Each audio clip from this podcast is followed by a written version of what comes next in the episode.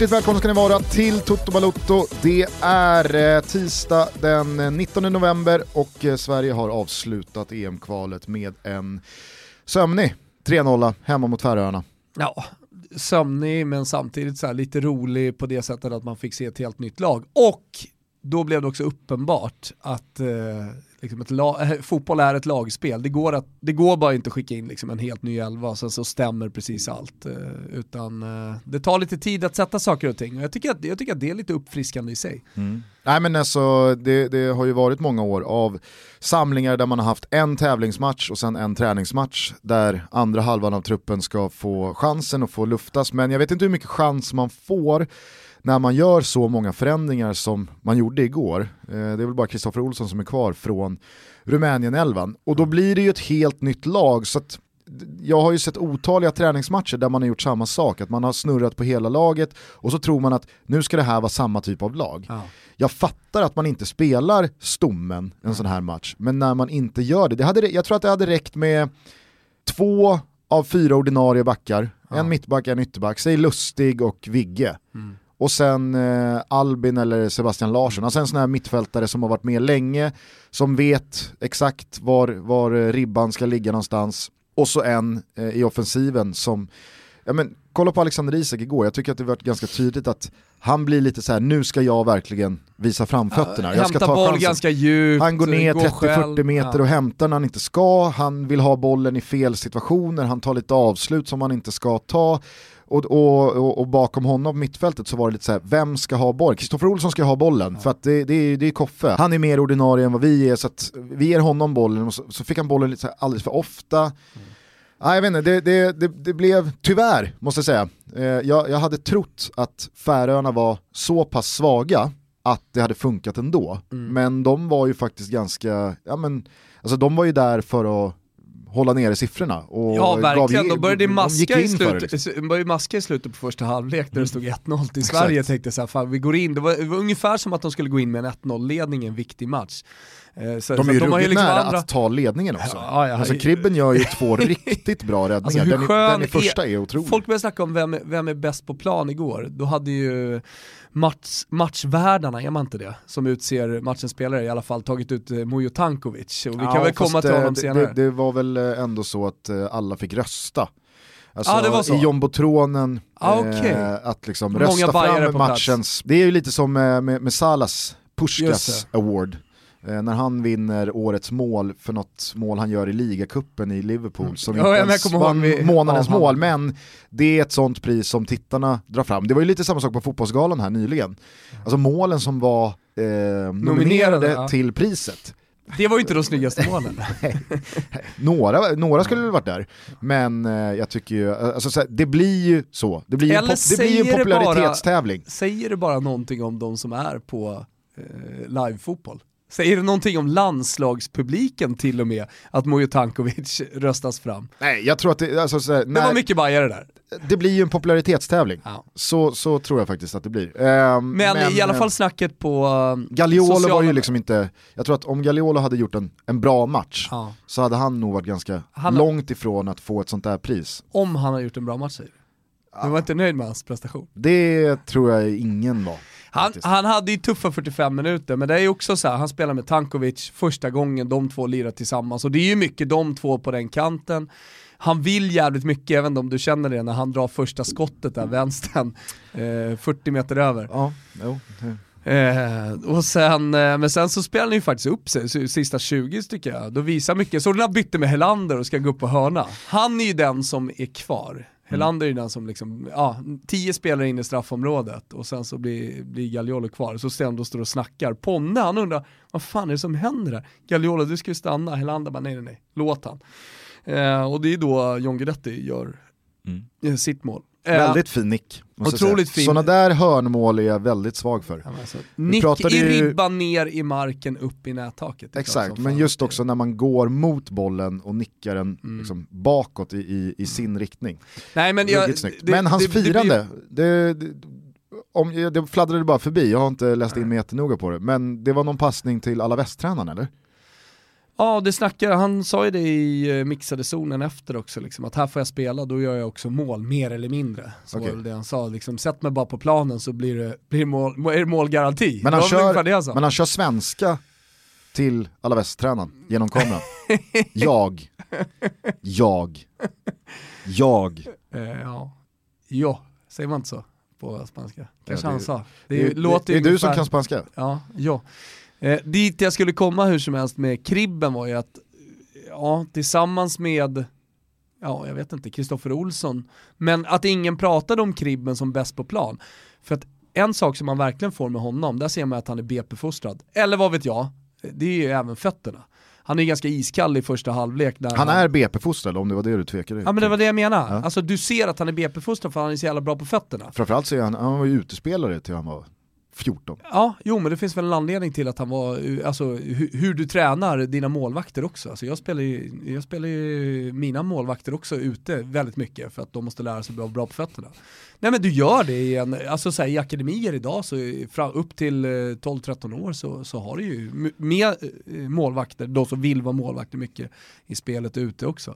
Eh, nej men jag tycker definitivt han ska nämnas som en av dem som är bäst på plan. Alltså den, den räddningen han gör är ju lika viktig som ett mål. Mm. Och det är en reflexräddning. Och sen så är han bra på fötterna hela tiden. Han gör ju inte ett misstag under hela matchen. Och då finns det ändå Han situationer. kommer ju rejält snett ut med Helander där. Alltså det är väl, det är väl svårt Jo men vems fel är det då? Ja, exakt, det är svårt att lägga Jag en lägger ju det snarare på Helander liksom. Ja, okej. Det är ju alltid svårt att från läktaren eller från en liksom, tv-soffa lägga en hundraprocentig skuld Såklart. med korrekt adressat där i och med att man inte riktigt vet vem det är som tar snacket. Mm.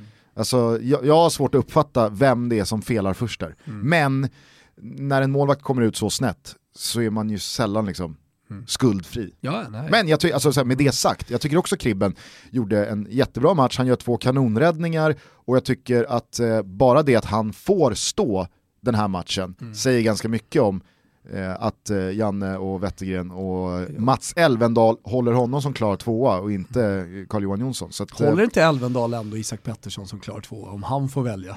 Lite jäv där. Jo men han älskar ju Isak Pettersson. Ja, det vet man ju. Ja, det, Hade han fått välja hade han stått framför Robin Olsen. Nej, tveksamt. tveksamt. Men eh, nej, jag tycker, eh, jag tycker Kribben stärker sina EM-aktier. Jag tycker att Marcus Danielsson också gjorde det och jag, alltså jag skrev eh, det på, på Twitter igår och det var många som sa Danielsson. Där är det ju lite så här, alltså jag resonerar ju som så att när det kommer till en EM-truppaktie så handlar det ju också väldigt mycket om hur andra presterar.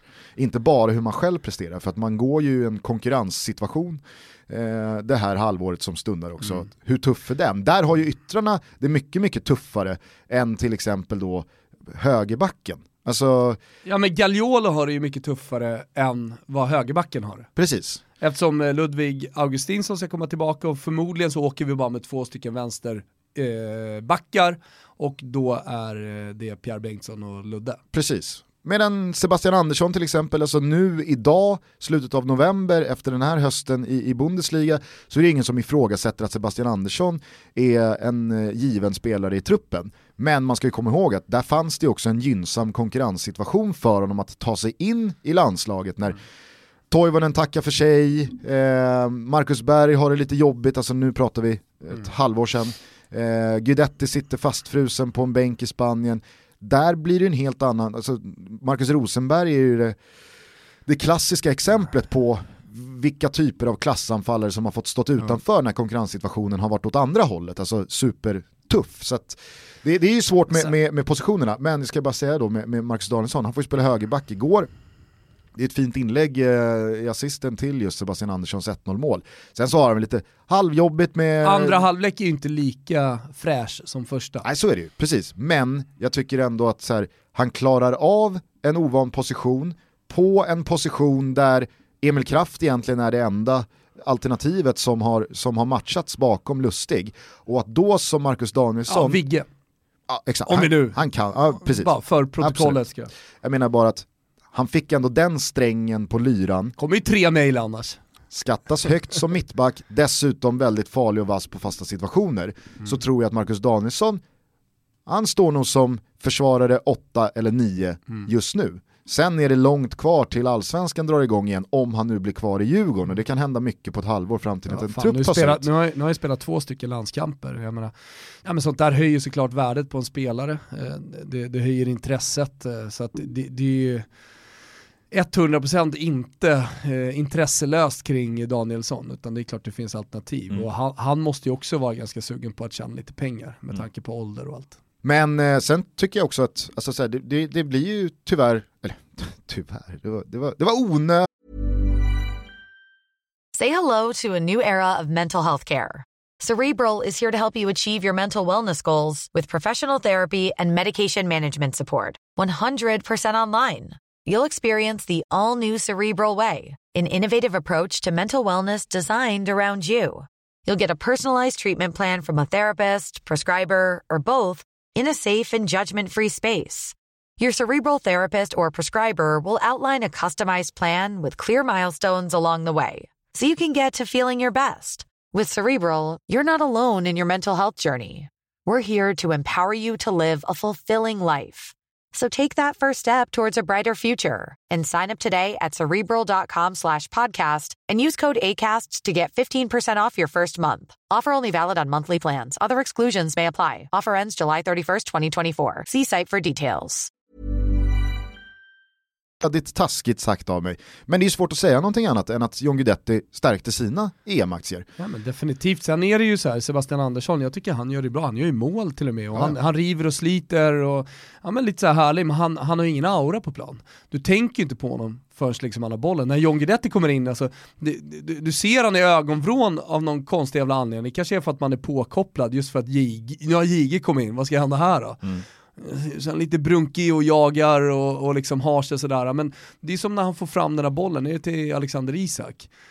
Det är, liksom, det är lite ett motlägg hit och dit, men han är ju den här typen av spelare som alltid får med sig bollen. Eller hur? Alltså så här, Inte är- alltid är det, nej, men- men jag tycker ändå så här, är det så här 50-50 dueller, så här, då, då, då har han något jävla pannben som kickar i och som, som löser det på något sätt. Så han gör ju ett bra inhopp, man kan ju skoja hur mycket som helst, men, men det är ju ett bra inhopp. Sen kanske inte riktigt det som Ponne sa efter matchen i, i intervju. Jag vet inte om du hörde? Ja, nej, jag såg bara att eh, han kom in och förändrade matchbilden. Jag vet Exakt. inte riktigt vilken matchbild det var innan Nej. Guidetti kom in då som, Nej. som förändrades. Och sen så förstår jag Sen får att han de ju- vill ge honom allt här nu, för han har haft det jävligt tufft och, och då, då vill man krydda hans insats li, lite extra med ord, så att jag köper det Han får ju ett jävla vind i seglet när han också går upp och ska cykla den från 18 meter sen Ja. i slutet. Ja.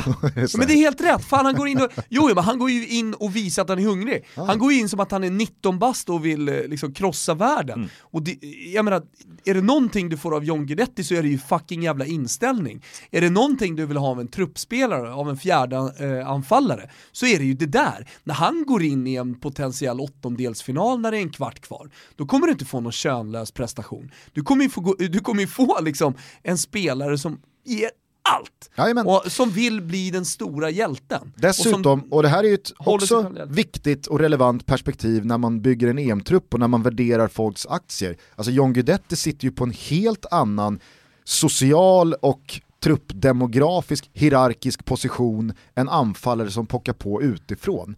Marcus Antonsson var ju väldigt i ropet inför det här landslagsåret.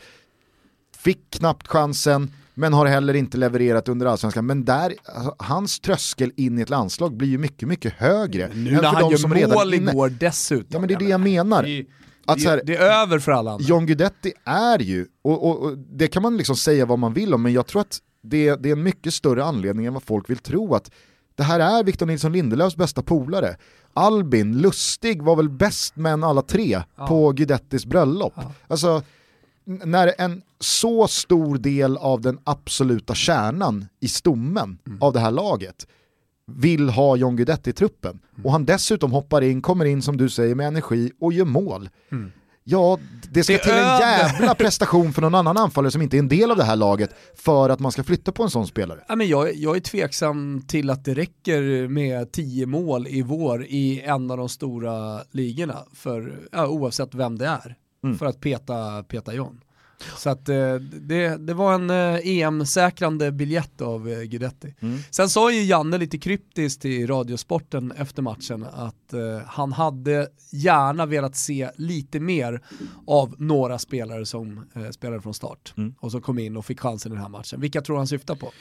Nej men jag tror att, alltså så här, jag, jag, när man var på plats, då, då hör man ju inte vad Janne säger i någon sändning och Nej. vad folk säger direkt. Så här. Men jag kan ju bara gå till hur jag själv upplevde jag matchen och vad jag själv såg. Jag tyckte att, alltså jag tror att Ken Sema, han behöver göra en otrolig säsong i Udinese fram till till mars Det tror jag också. uttagningen för att eh, jag tyckte inte han kom någonstans. Jag tycker att, ja, men som du redan var inne på, Tankovic hade det jobbigt med Gagliolo på den här vänsterkanten Ja. och mot ett så pass svagt motstånd som Färöarna ändå är, tycker jag ändå att man ska förvänta sig mer Mm. eh, av en så pass, ja, men, en, en spelare som ska vara så pass konstruktiv och, och, och kreativ. Mm. Alexander Isak gör ju inte heller någon bra match, inte alls, men hans aktie är ju givetvis oförändrad av det här. Ja, ja, nej, alltså, men det... det, Det, är inget att snacka om. Så jag tycker att Alltså Svanbergs 1 plus 1 i all ära, om man nu, jag vet inte, han tillskrevs fortfortande målet Ja. i och med deflectionerna. Ja, Ja. Det, det är ju på väg Jag tror de mål. ska- det, det, är, väl- det är väl helt och jag tror det. också att de är på väg att släppa upp det där lite, i att man benämner skott och mål som eh, självmål. Mm. Nej men så att 1 plus 1 är ju, det, det, i all ära, jättebra. Men jag tycker att eh, Svanbergs första halvlek är ganska så slarvig, tappar mycket boll, kommer ganska snett i, i många eh, omställningar defensivt. Jag var, jag, var inte, jag var inte speciellt imponerad av, Jag, eh, gillar, av jag, jag, jag tyckte ändå så här, i helhetsprestationen av honom Ja, alltså eh, är ändå som liksom första matchen och, och alltihopa tycker jag ändå är bra. Plus att jag tycker man ser på honom, lite som man ser på Dejan Kulusevski när han kommer in. Mm. Eh, på två olika sätt såklart, nu får folk eh, missförstå mig rätt. Men eh, du, du ser att det finns jävligt mycket i honom. Har man sett honom med Bologna tidigare också så vet man att fan, den, den, här, den här spelaren har någonting. Och han har någonting extra och Mm. Ja, han har ja. någonting mer än Bologna i sig vad det lider. Eh, Men vad tycker du om Dejan då? Om vi bara liksom stannar kort eh, på, på honom.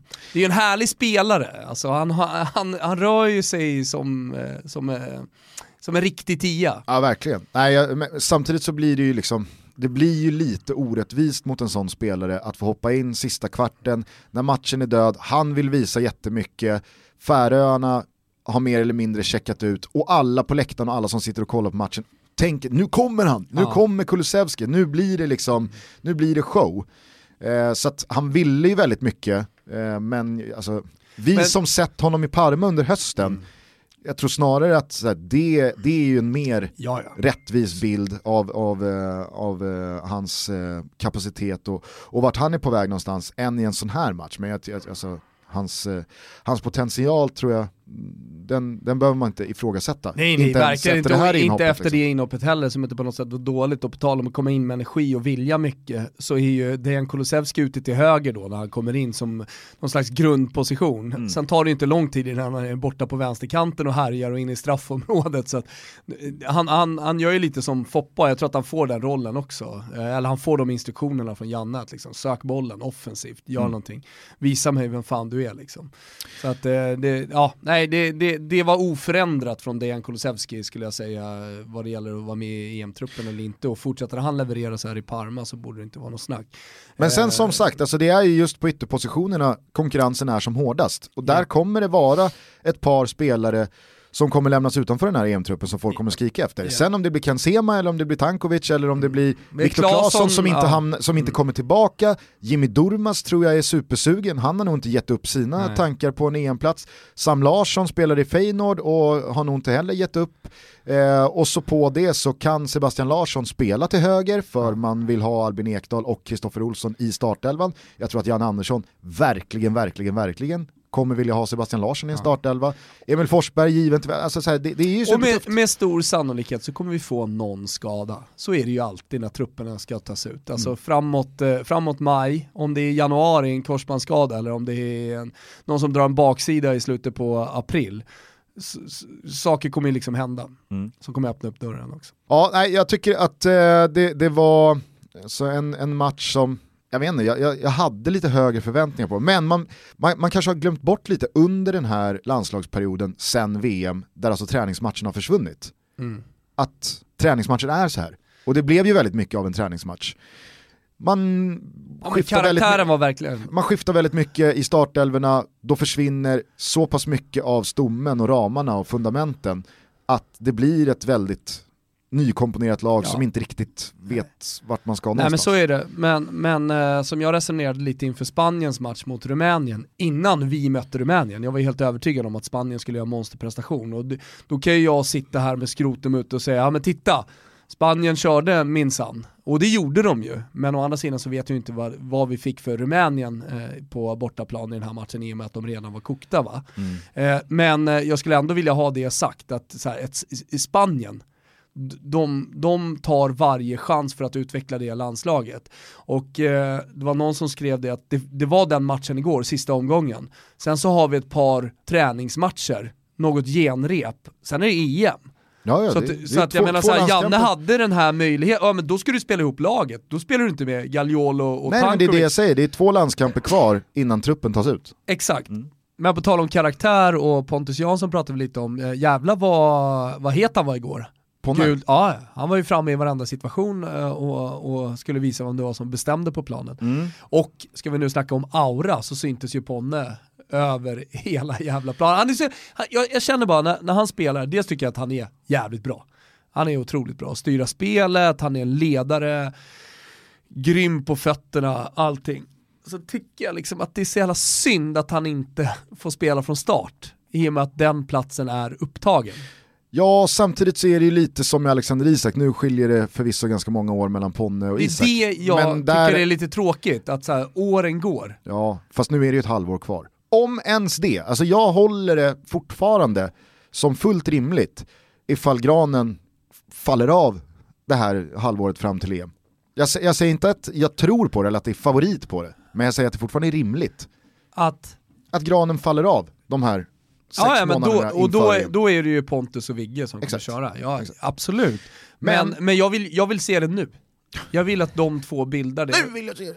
Nej men jag tycker att, jag, jag tycker att det är lite tråkigt att liksom, eh, åren går och Pontus är så jävla bra. Så är det så jävla synd att han eh, bara får sitta på bänken. Det är också så jävla synd att han inte ryter ifrån och säger den här tröjan är för stor. Jag måste ha två storlekar jag mindre. tror han vill ha den storleken på tröjan. Jag är övertygad om det. Det är oversize liksom. Där kan jag säga, den rosen ger jag till Ken Sema. Tröjan satt ju absolut bäst på Ja, honom. men där finns ju en torso också. Som, Ja, det är klart att... ingen annan i Nej. det här landslaget eh, kan visa upp. Nej men håll med mig, alltså, så här, tröjan, nu såg man ju för första gången live på, alltså så som du alltid vill bedöma Ja. den. Tyvärr så var den ju för stor på många spelare. Det går ju att ändra, men kanske är tanken att så här, det ska vara lite mer oversize nu. Ja det är klart att det är tanken, annars hade de inte tagit de bilderna. Jag tyckte att det såg, eh, det såg skönt ut. Trist. Många som hade den utanför och sen så tycker du att den hängde nästan ner till knäna. Nej, absolut inte. Men den var för stor. Ja. Framförallt på Ponne, vilket var tråkigt. När han är kapten. Jag tyckte, jag tyckte att det såg bra ut. Eh, vill du säga någonting mer om eh, det svenska eh, landslaget? Ja men lite en eh, schnitzel till eh, Vigge. Som lever den här matchen till 100% på, från bänken. Kliver in, tar ett gult kort när det behövs. Janne vänder sig om, han blir inte sur, han blir bara förvånad. Så kolla, jävlar vad arg Vigge blev här. Ja. Sen vet jag inte om det där gula kortet betyder något så han får lite skit för det, men då tycker jag att det är värt det. Alltså jag menar han kanske till och med får en böter, får tio, eller förbundet får nå, nå, 10 laxing eller 20 laxing, men fan det var läge att gå in och markera där och visa att eh, den här matchen betyder mycket. Kritade inte Lindelöf nytt här nyligen med en och en halv miljon i veckan. Så att han, Han kan, kan nog ta, ta han kan nog ta en 20-laxing. Det tror jag definitivt också, men jag menar mer att han riskerar något. Nej men det gör han väl inte. eh, Nej, det tror jag verkligen inte. där Nej, kom, nu, stryker man, kommer- nu stryker man det som varit. alla gula kort eh, följer väl med på något jävla sätt in i nästa officiella match. Nej. Men de är nog nedknackade i Jannes lilla svarta bok. Ja, men precis på samma sätt som eh, att man vill se karaktär från de spelarna som kommer in. Eh, att den här matchen fortfarande är ett EM-kval, den betyder mycket. Så tycker jag också att eh, de ordinarie ledarna, spelarna som sitter på bänken, ja, de kan sitta och garva lite med varandra och, och säga ja, nu blev det 1-0 och inte bry sig. Men, men här är det då en hel trupp som sitter och lever matchen och det tycker jag på något sätt också visar vilken stark gruppkänsla det finns i Sverige. Hörru du, eh, nu återstår ju bara en eh, spelkväll av detta EM-kval innan eh, då playoffet är det enda som återstår i slutet på mars. Om jag har förstått det rätt så lever det väl bara i en grupp va, men vilken match va? Direktmöte mellan Wales och Ungern ikväll. Ja, Där Ungern parkerar på EM-platsen just nu, men en vinst för Wales innebär säkrad EM-plats. Och de har ju ett jävla härligt lag måste man ju säga. samma känsla som man hade inför Irland-Danmark igår. Eh, Då ledde ju Danmark gruppen, men om Irland vann matchen så hade de gått om då. Eh, och jag trodde ju verkligen att de skulle göra det. När 1-1 kom i 85, Danmark tog ju ledningen först då, och sen så kom 1-1 från Irland och tänkte jag nu kommer de lyfta långt på någon lång jävla irländsk mittback som bara nickar ner den till någon som smäller upp den i nättaket och så får hela Irland jubla. Nu blev det inte så. Danmark gick vidare, grattis till våra grannar, eller vad vill du säga? Du skiter i Ingenting. det va? Du, du skiter i det. Ja, Det är lite som i verkligen. Finland. Det, jag, konst, jag konstaterar, Du konstaterar. jag konstaterar Ja. att de gick till EM. Ja, jag har krönika på gång. Ja, det, det kan jag tänka mig. Li, men, alltså, den känslan är ännu starkare med Wales inför matchen ikväll, Mm. att de bara löser. Ja, men, men många minns säkert Wales eh, insats i EM 2016. Då var det ju liksom så här ett det var ju lite mer av ett brunkargäng. Robson Canoe längst fram och, och det, det var liksom Vad så här, fick de för de- resa fram till semifinalen?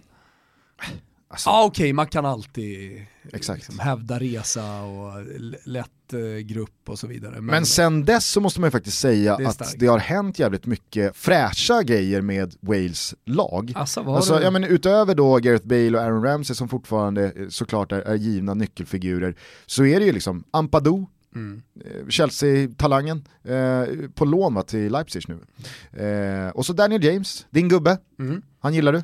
Han gillar jag verkligen, gillar riviga spelare. Min gubbe är Harry Wilson, Ja. eh, Liverpool-spelaren som eh, Öser in mål. Ah, gjorde det otroligt bra i Championship i fjol i Derby, men eh, nu eh, är på lån till Bournemouth.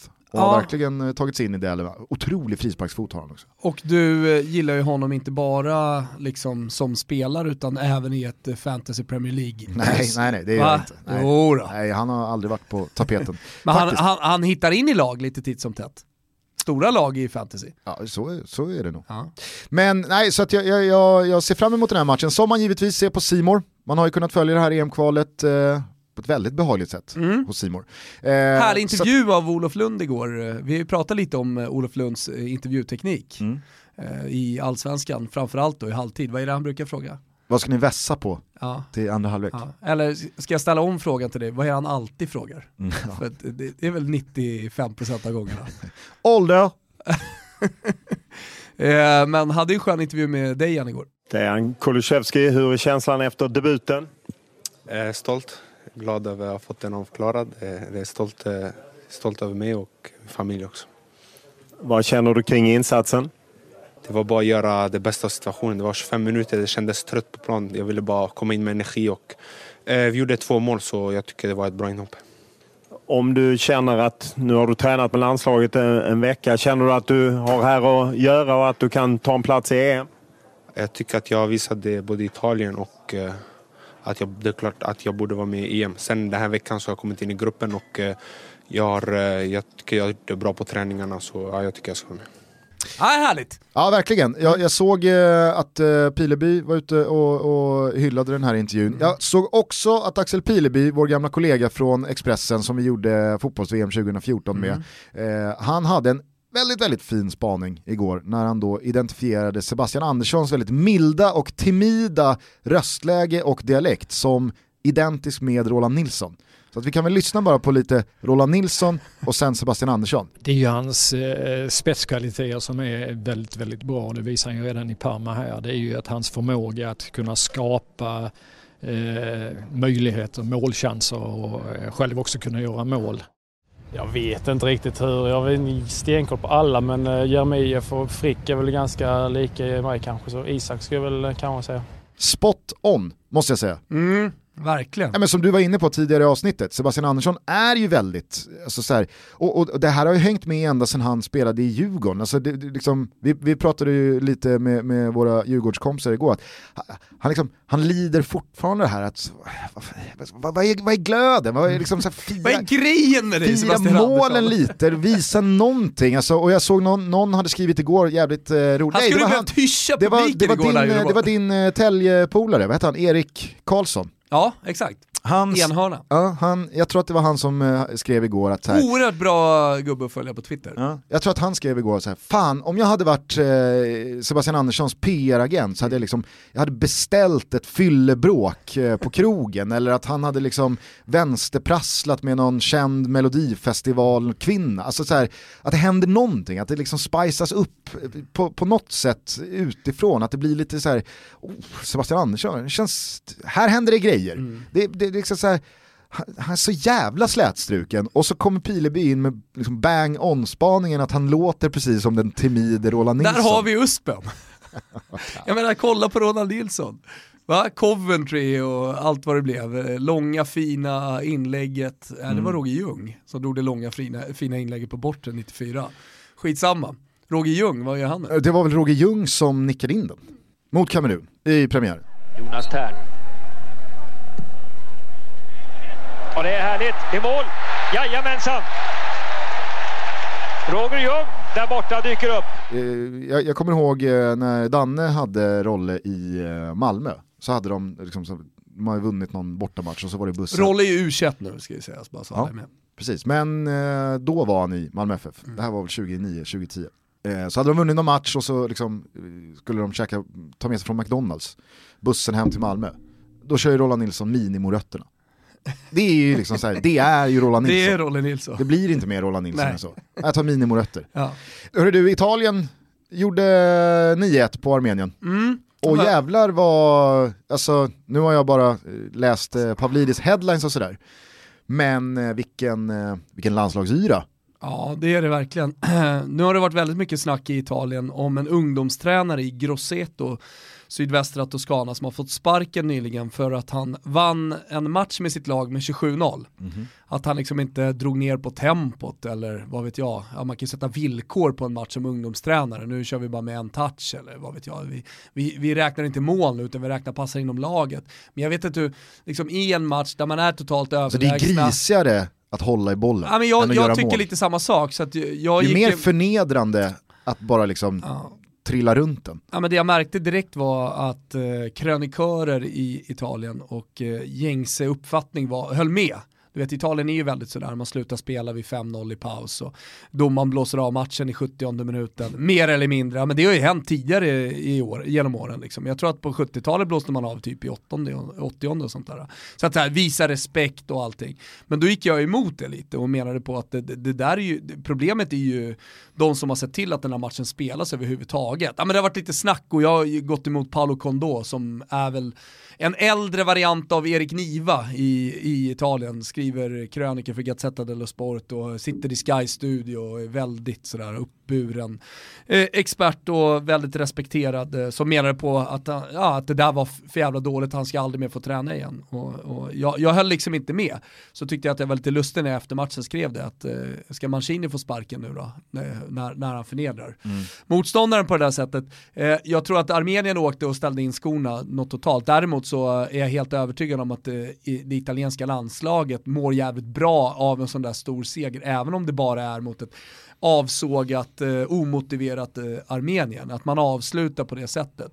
Sen så är jag, alltså är det någonting jag är imponerad av med det italienska landslaget så är det ju Roberto Mancinis arbete med de unga spelarna. Arbete att eh, liksom ta tillbaka Italien till egentligen där man, där man var en gång i tiden. Alltså kollar man på det italienska landslaget nu, nu roterar man ju ganska mycket igår och kör många unga spelare, men, men alltså det, det är ju något helt annat mot vad det har varit de senaste två decennierna skulle jag nästan vilja säga. När det har varit omöjligt för unga spelare att ta sig in. Nu, konservativa italienska tränaren har ju alltid liksom väntat och väntat och väntat lite för länge och så har tåget gått med med de unga talangerna. Här liksom släpper han på de här Chiesa och Tonali och, och, och Barella. Allt, Barella och allt vad de heter. Tillsammans med Antonio Conte skulle jag vilja säga. Alltså det, det är några av de här eh, italienska tränarna som, som, som, som har fattat grejen.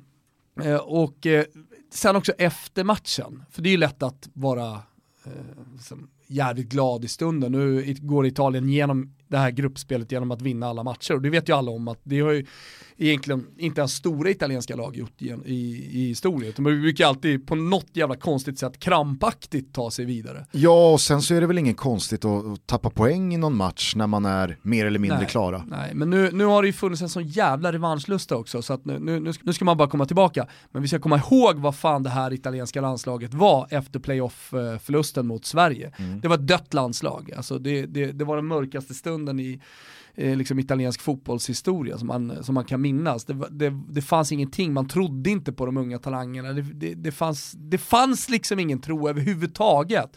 Och sen så har han bara sakta men säkert tagit små, små kliv och eh, lyckats skapa ett lag som absolut inte ska vara någon favorit och inte i topp tre. Det finns andra landslag som, som man ska tro på mer inför EM, men som i alla fall är kanske topp 6 top, ja, top 6 då inför, inför EM och som är den mest spännande av de som ligger bakom av, av de här stora lagen. Jag tycker man liksom är på väg att gå om Tyskland, kanske till och med.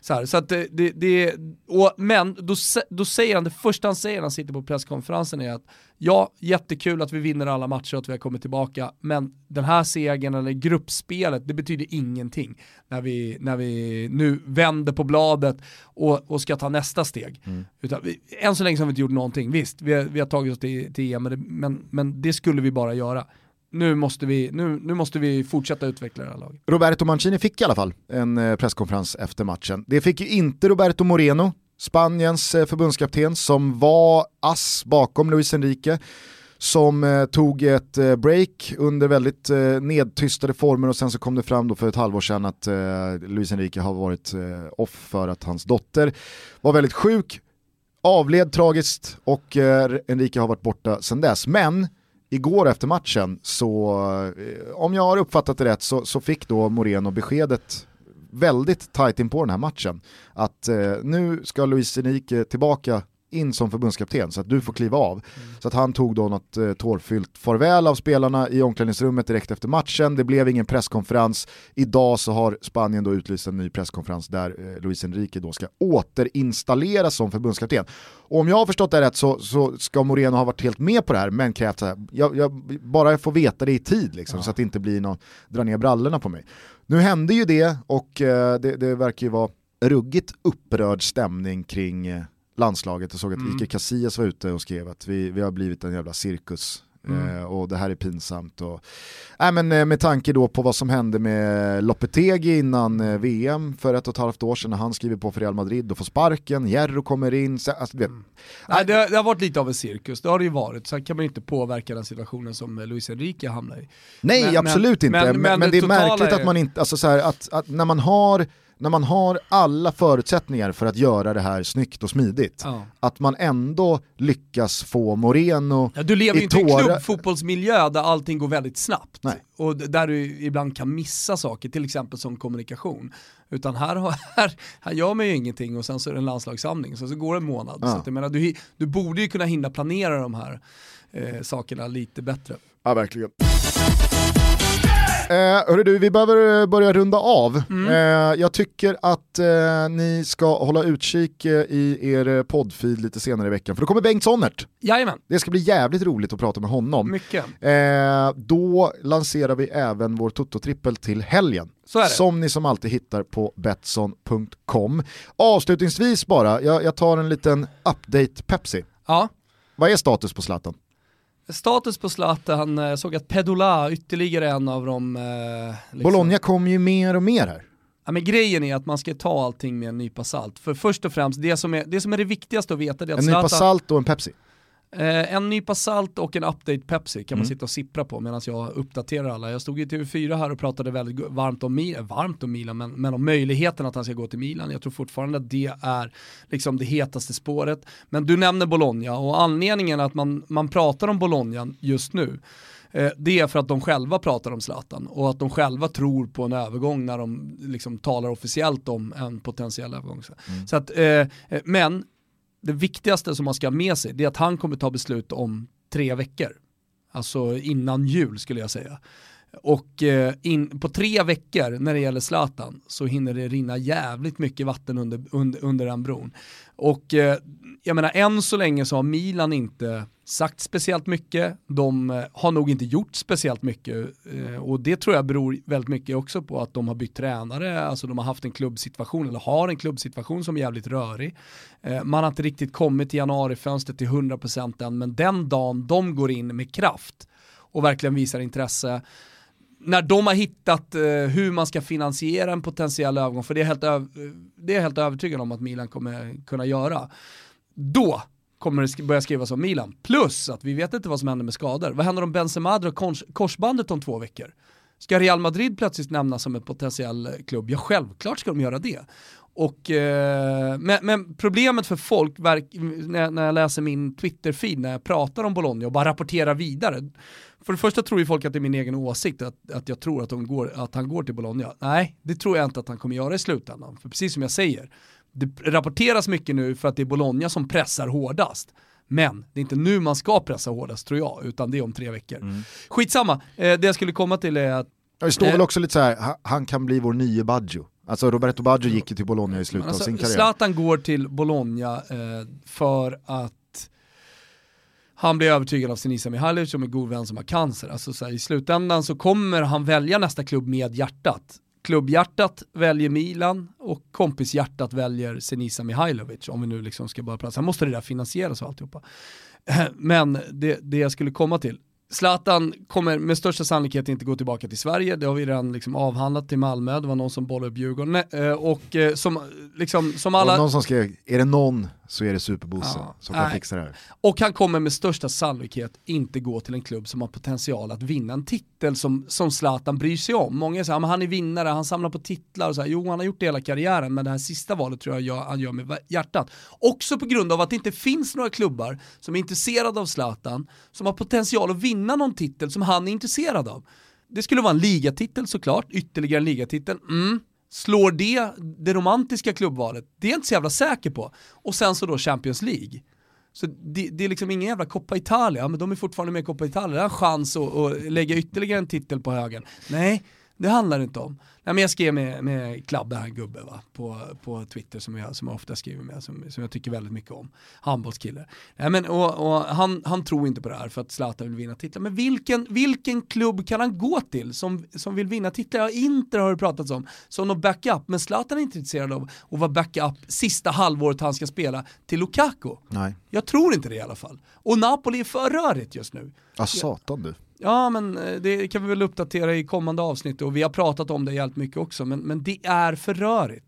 Alltså nu ska ju, nu ska ju De Laurentiis, presidenten, stämma spelarna. Mm. Halvera lönen på dem. Du vet, ska Zlatan gå dit? Nej, det ska han inte. Nej, det kommer säkert sluta bra för ja. uh, De Laurentiis. Men såhär, is i magen vad det gäller Zlatan, det sista är långt ifrån sagt. Oavsett hur mycket jävla Bologna det stinker just nu. Hörni, eh, fortsätt lyssna på Toto. Där spillde Thomas ut en kaffekopp över Kristoffer Svanemars dator. Härligt! Om ni eh, tycker att det här var ett eh, ovanligt kort måndagstutto så rikta er kritik till den försenade Thomas Wilbacher. Vi hörs snart igen! Jag tycker det var alldeles lagom eh, långt. Tillsammans med Bengan Sonnert. Mallen har vi ju kallat Sonnert tidigare. Ja, exakt. Lever ett litet malliv. Ja. Hörni, eh, ciao tutti, ha det bra. Ciao tutti. Hej kom då, jag är här och väntar på dig. Ett, tu, tre på marken, sitter och väntar modigt på sparken. Foten i huvudet, Gud vet vad som hade hänt om hunden hade varit bunden och inte kunnat komma och skälla i tunneln.